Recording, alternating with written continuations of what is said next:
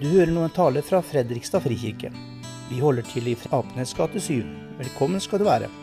Ønsker du mer informasjon, finner du det på fredrikstadfrikirke.no. Prekenteksten denne søndagen er altså så omfattende og innholdsrik, så jeg har bare valgt ut noen vers. Noen helt, et helt avgjørende øyeblikk i Jesu tjeneste. Et vendepunkt. Dette her er hvor palmesøndag har fått palmene fra. Eh, seks dager før påske kom Jesus til Betania, der Lasarus bodde, han som Jesus hadde vekket opp fra de døde. Der ble det holdt en festmåltid for ham.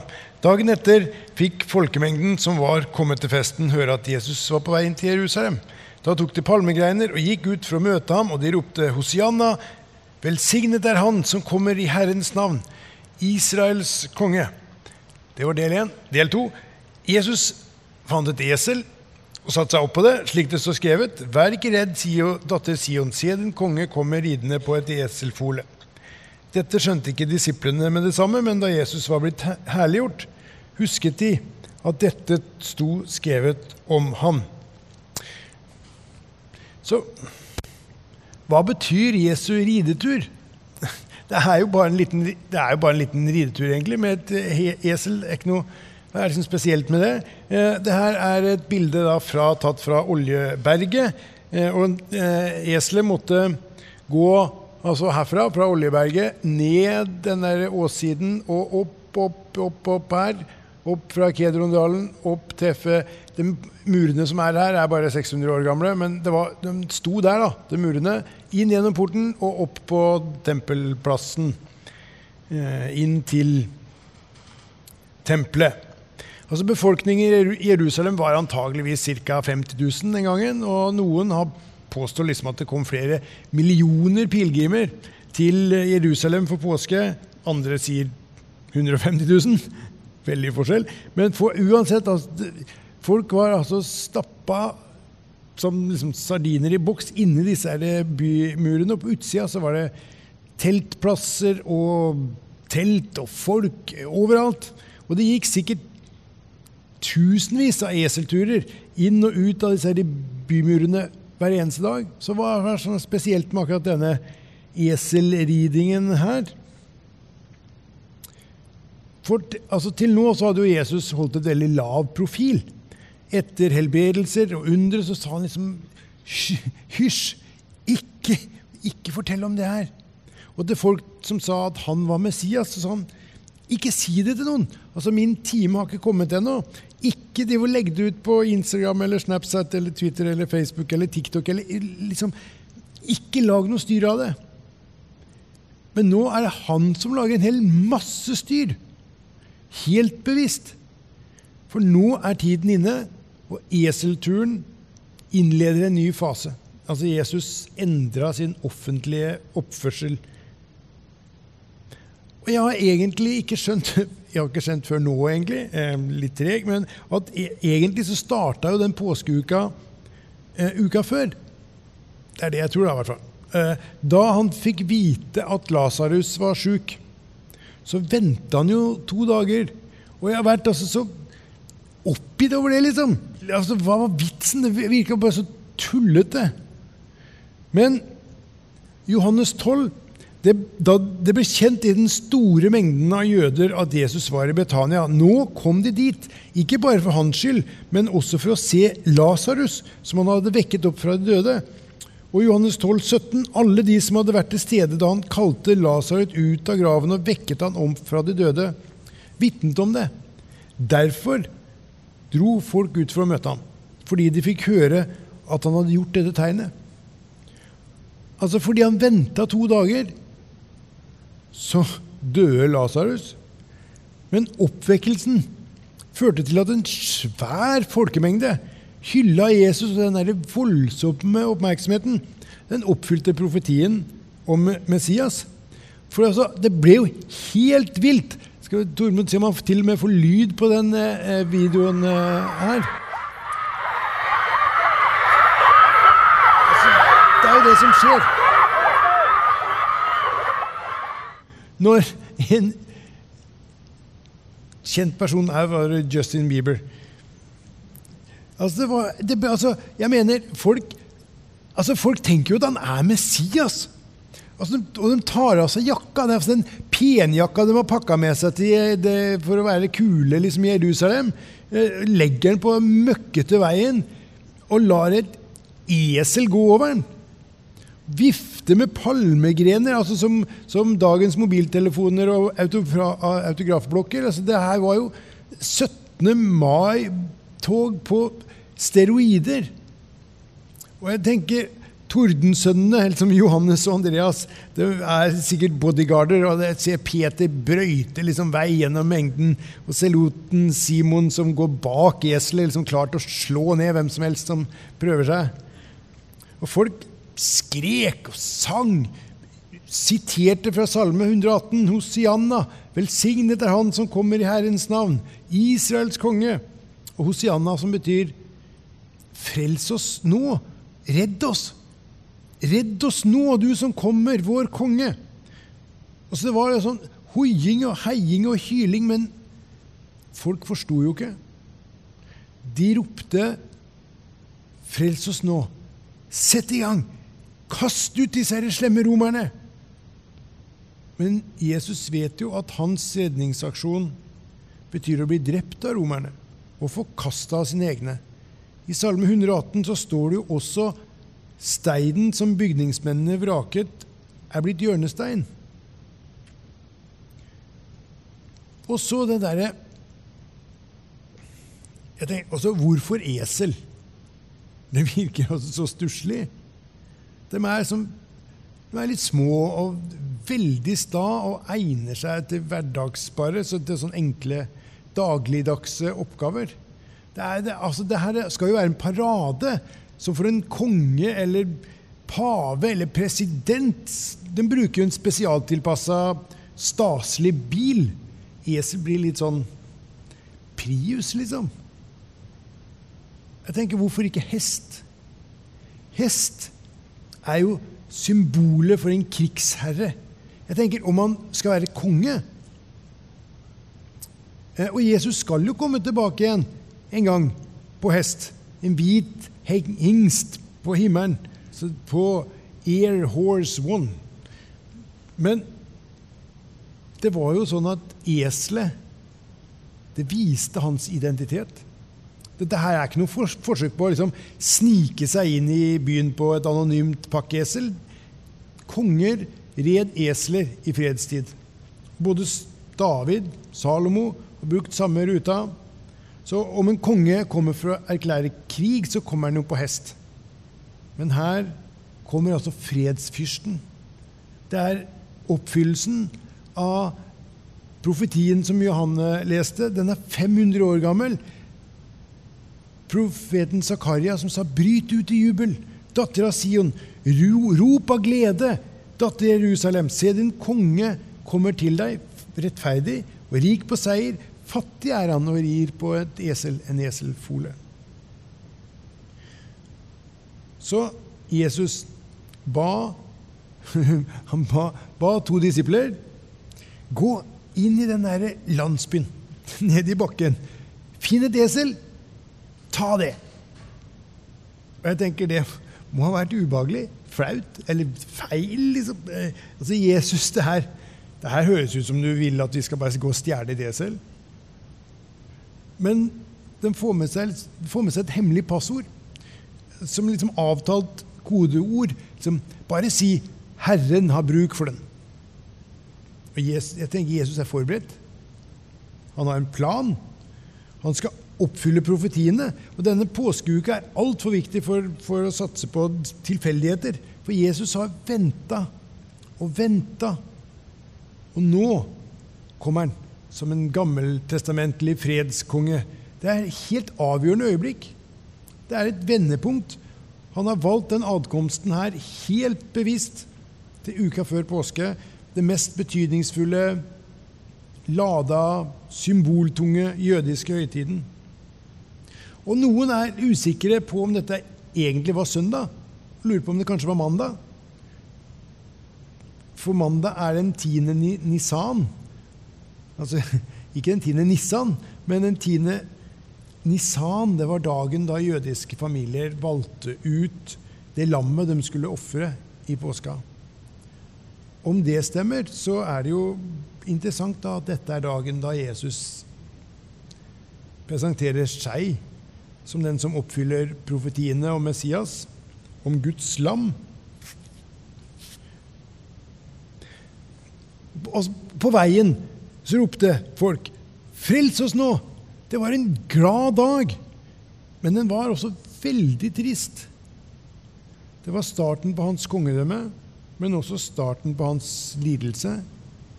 Han hadde levd med skyggen av korset hele livet, og nå red den under, inn liksom under korsets skygge. Og da han kom over toppen, så Jerusalem foran seg, så begynte han å gråte. Mens folk feira, så gråt Jesus. For de forsto jo ikke. De skjønte ikke hvorfor han kom. De var sikre på at romerne var problemet, ikke dem, ikke deres hjerter. De visste ikke at korset kom før kroningen, at tornekronen kom før kongekronen. At han kom for dem, for deres frelse. Altså, De ville ha en Messias tilpassa sine planer, ikke tilpasse sine planer til Messias. Og det er sånn med folk i dag òg, er det ikke det? Som hyller jo gjerne Jesus som er tilpassa deres behov. De ønsker en Jesus som gir dem penger og suksess, kjæreste, helse, lykke. Altså Mengden de hylla Jesus som han tilfredsstiller deres selviske ønsker og begjær, men, men avviste den da han ikke leverte som ønska. Altså, dette her er jo det er, det er ytre religion, det er ikke indre relasjon.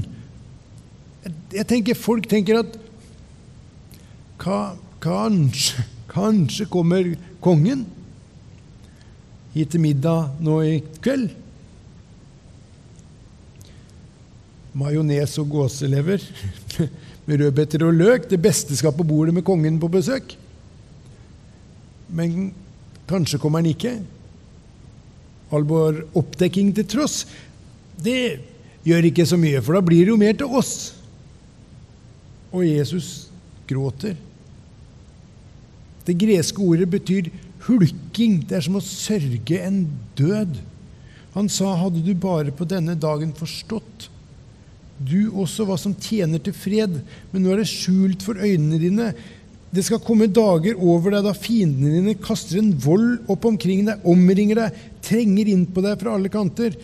De skal slå deg og barna dine til jorden, og det skal ikke bli stein tilbake på stein i deg, fordi de ikke forsto at tiden var kommet da Herren gjestet deg. Og 37 år etterpå så kommer Titus og ødelegger byen. 600 000 jøder ble drept, titusener tatt til fange. Historikeren Josefus sier at elver av blod fylte byen. Tempelet ble revet. Fortsatt er det borte. Og den tanken knuser Jesu hjerte. Det var det var kongen som kom. Men destinasjonen var ikke Jerusalem. Det var tempelet. Altså Siden tabernakelets tid så var det det som var møtested mellom Gud og mennesker. Johannes sitt evangelium den, det starter jo med at ordet ble menneske, tok bolig iblant oss, som egentlig altså bokstavelig talt betyr han tabernaklet hos oss. Han, han var tempelet. Riv ned dette tempelet, sa han, og etter tre dager vil jeg reise det opp. Så han rir til stedet han er født til å erstatte. Det var dit han skulle. Det var der forsoningsuka starta. Og så tenker jeg jo alltid det er liksom, hva, hva, betyr dette for oss, egentlig? Altså, Hva betyr denne rideturen for oss, da? Og Først og fremst så betyr den ja, kanskje det jeg har sagt. Eh, og egentlig ikke det jeg har tenkt å si nå. At uh, Bibelen åpner ikke for å bruke dette eselet som et bilde eller et symbol, men det er det, jeg skal. Uh, og jeg vet at det er et dårlig bilde. Og, og, og, det kan ikke brukes som metafor, i hvert fall. Og, og det kanskje, kan, kanskje bare passer på meg, men jeg, jeg håper det fins noe for deg der. Du er et esel. Høres ut som litt sånn italiensk fornærmelse. Eh, men det er jo et kompliment, egentlig. Eller, og dette kan høres enda verre ut eh, Målet ditt i livet er å være et esel. Det høres ikke så vanskelig ut, men jeg syns det er veldig vanskelig. Da jeg var ca. 11 år, så hadde jeg nettopp blitt kristen, og jeg husker at jeg, jeg kom hjem, satte meg på kne i stua hjemme i Ørje, eh, slik jeg hadde sett kristne sette seg på kne, og så ba jeg til Gud om å få samme superkrefter som Supermann. Og jeg ba altså intenst og oppriktig med gode intensjoner. Altså, Tenk så mye godt jeg kunne gjøre. Altså, Jeg kunne hjelpe så mange. Og jeg prøvde altså å overbevise Gud om hvor lurt det var. Og om ikke jeg fikk lasersyn, i hvert fall kunne jeg evne til å fly. Sånn er menn, tenker jeg kanskje. Eller kanskje det er bare meg, men eh, jeg tror, jeg tror det på en måte handler om å, jeg tror det handler om å føle seg spesiell eller, og utvalgt. Esler virker så stusslige. De er små, de er veldig sta, og de egner seg til sånn hverdagslige, enkle oppgaver. Jeg ville være sterk, liksom kul. Altså en, en, en, hest hadde jo kunnet vært kult. liksom En Supermann det hadde vært fornuftig. Og Gud kunne jo sagt ja. Altså, jeg, jeg mener, altså, han, han, kunne jo det. Nå skjønner jeg at ikke det hadde vært så lurt eller sunt, verken for meg eller for verden, eller for dem jeg hadde liksom løfta ut av brennende hus eller redda for flystyrt. Eh, jeg hadde jo jeg hadde stått i veien for Jesus. Både, både for mennesker rundt meg og for meg sjøl òg, egentlig. Og jeg hadde jo ikke vært noen supermann. Jesus sier, eh, 'Jeg er glad i deg. Jeg døde for deg. Jeg vil gi alt for deg.' Du er altså så Du har vært så uendelig mye. Du er spesiell, du er utvalgt, du er elska, men du er et esel. Det er mulig noen syns det virker som litt sånn nedtrykkende bilde av kristendom. Det er en sånn tung bør. Men det er jo, det er jo ikke det. Altså, Eselet på palmesøndag er verdens heldigste esel. Jeg, sa det, tenkte eselet, jeg bærer kongen fra Zakaria 9. Og jeg er eselet i Zakaria 9, sa det. Og vi kan få si 'Jeg er et esel. Jeg skal få være den som bringer Jesus til andre'. Og det er jo alltid oss vanlige han velger. Oss liksom sta eller små. Men problemet mitt, om jeg, og om jeg skal være helt ærlig, problemet ditt er hjertet. For Jesus kom jo ikke for å skape fred. Ikke, han kom for å skape fred, men, men ikke, ikke, i verden. Han kom for, for, oss, i vårt hjerte. Og jeg kjenner altså en kontinuerlig kamp i hjertet. Jeg vet ikke om du gjør det?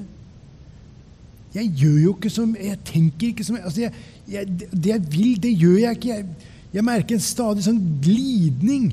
Et drag, liksom. Ikke fra å være Ikke, ikke sånn fra esel til hest, men fra esel til rytter. For Jesus sier esellivet handler jo om å gi livet til meg, løfte meg fram for andre. Men så tar jeg meg og tenker at jeg er rytter. Uh, Jesus tilpasses meg, passer inn i livet mitt. Jeg skal styre og bestemme. Jesus blir del av livet, ikke selve livet. Og så er det en del av meg som også prøver faktisk forsøke å fremstille Jesus som esel. At han skal øke min komfort, eh, min, min, han er min trygghet. Han, han, er der for å gjøre liksom min reise gjennom livet enklere. Jeg tenker at det også gjenspeiler samfunnets syn på Jesus. Og For meg så er det altså viktig å være så bevisst denne glidningen liksom fra esel til rytter. Og jeg tenker at det er det for deg òg. Og Derfor så må jeg stadig, og egentlig hele tiden, ta MMM-testen. Den hjelper meg å passe liksom på, på eselstatusen min. Eh, etter hvert som middelaldrende menn blir mer aldrende enn middels, så forsvinner liksom i økende grad den der bevisstheten knytta til egen midje. Og det har jeg syntes egentlig vært ja, Det er ikke kanskje morsomt, men, men, men merkelig. Altså, De ser ikke ut til at de helt vet hvor midjen er lenger.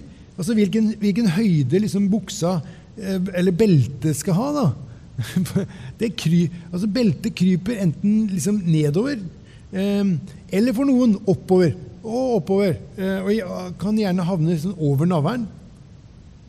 Og jeg har tenkt at det der er en merkelig greie. Inntil jeg en dag fikk se meg sjøl liksom i, i heltfigur i bjadespeilet. Eh, om, så, magen min har liksom mista en sånn naturlig markering av midjen og en belte. Var plutselig et godt stykke over det jeg tenkte var eh, riktig. Jeg hadde mista midjebevisstheten min. Og det var altså en kjempenedtur. Og det, og, og det er viktig for meg å ta den MMM-testen, som da står for middelaldrende menns midje, eh, i, i kristenlivet mitt.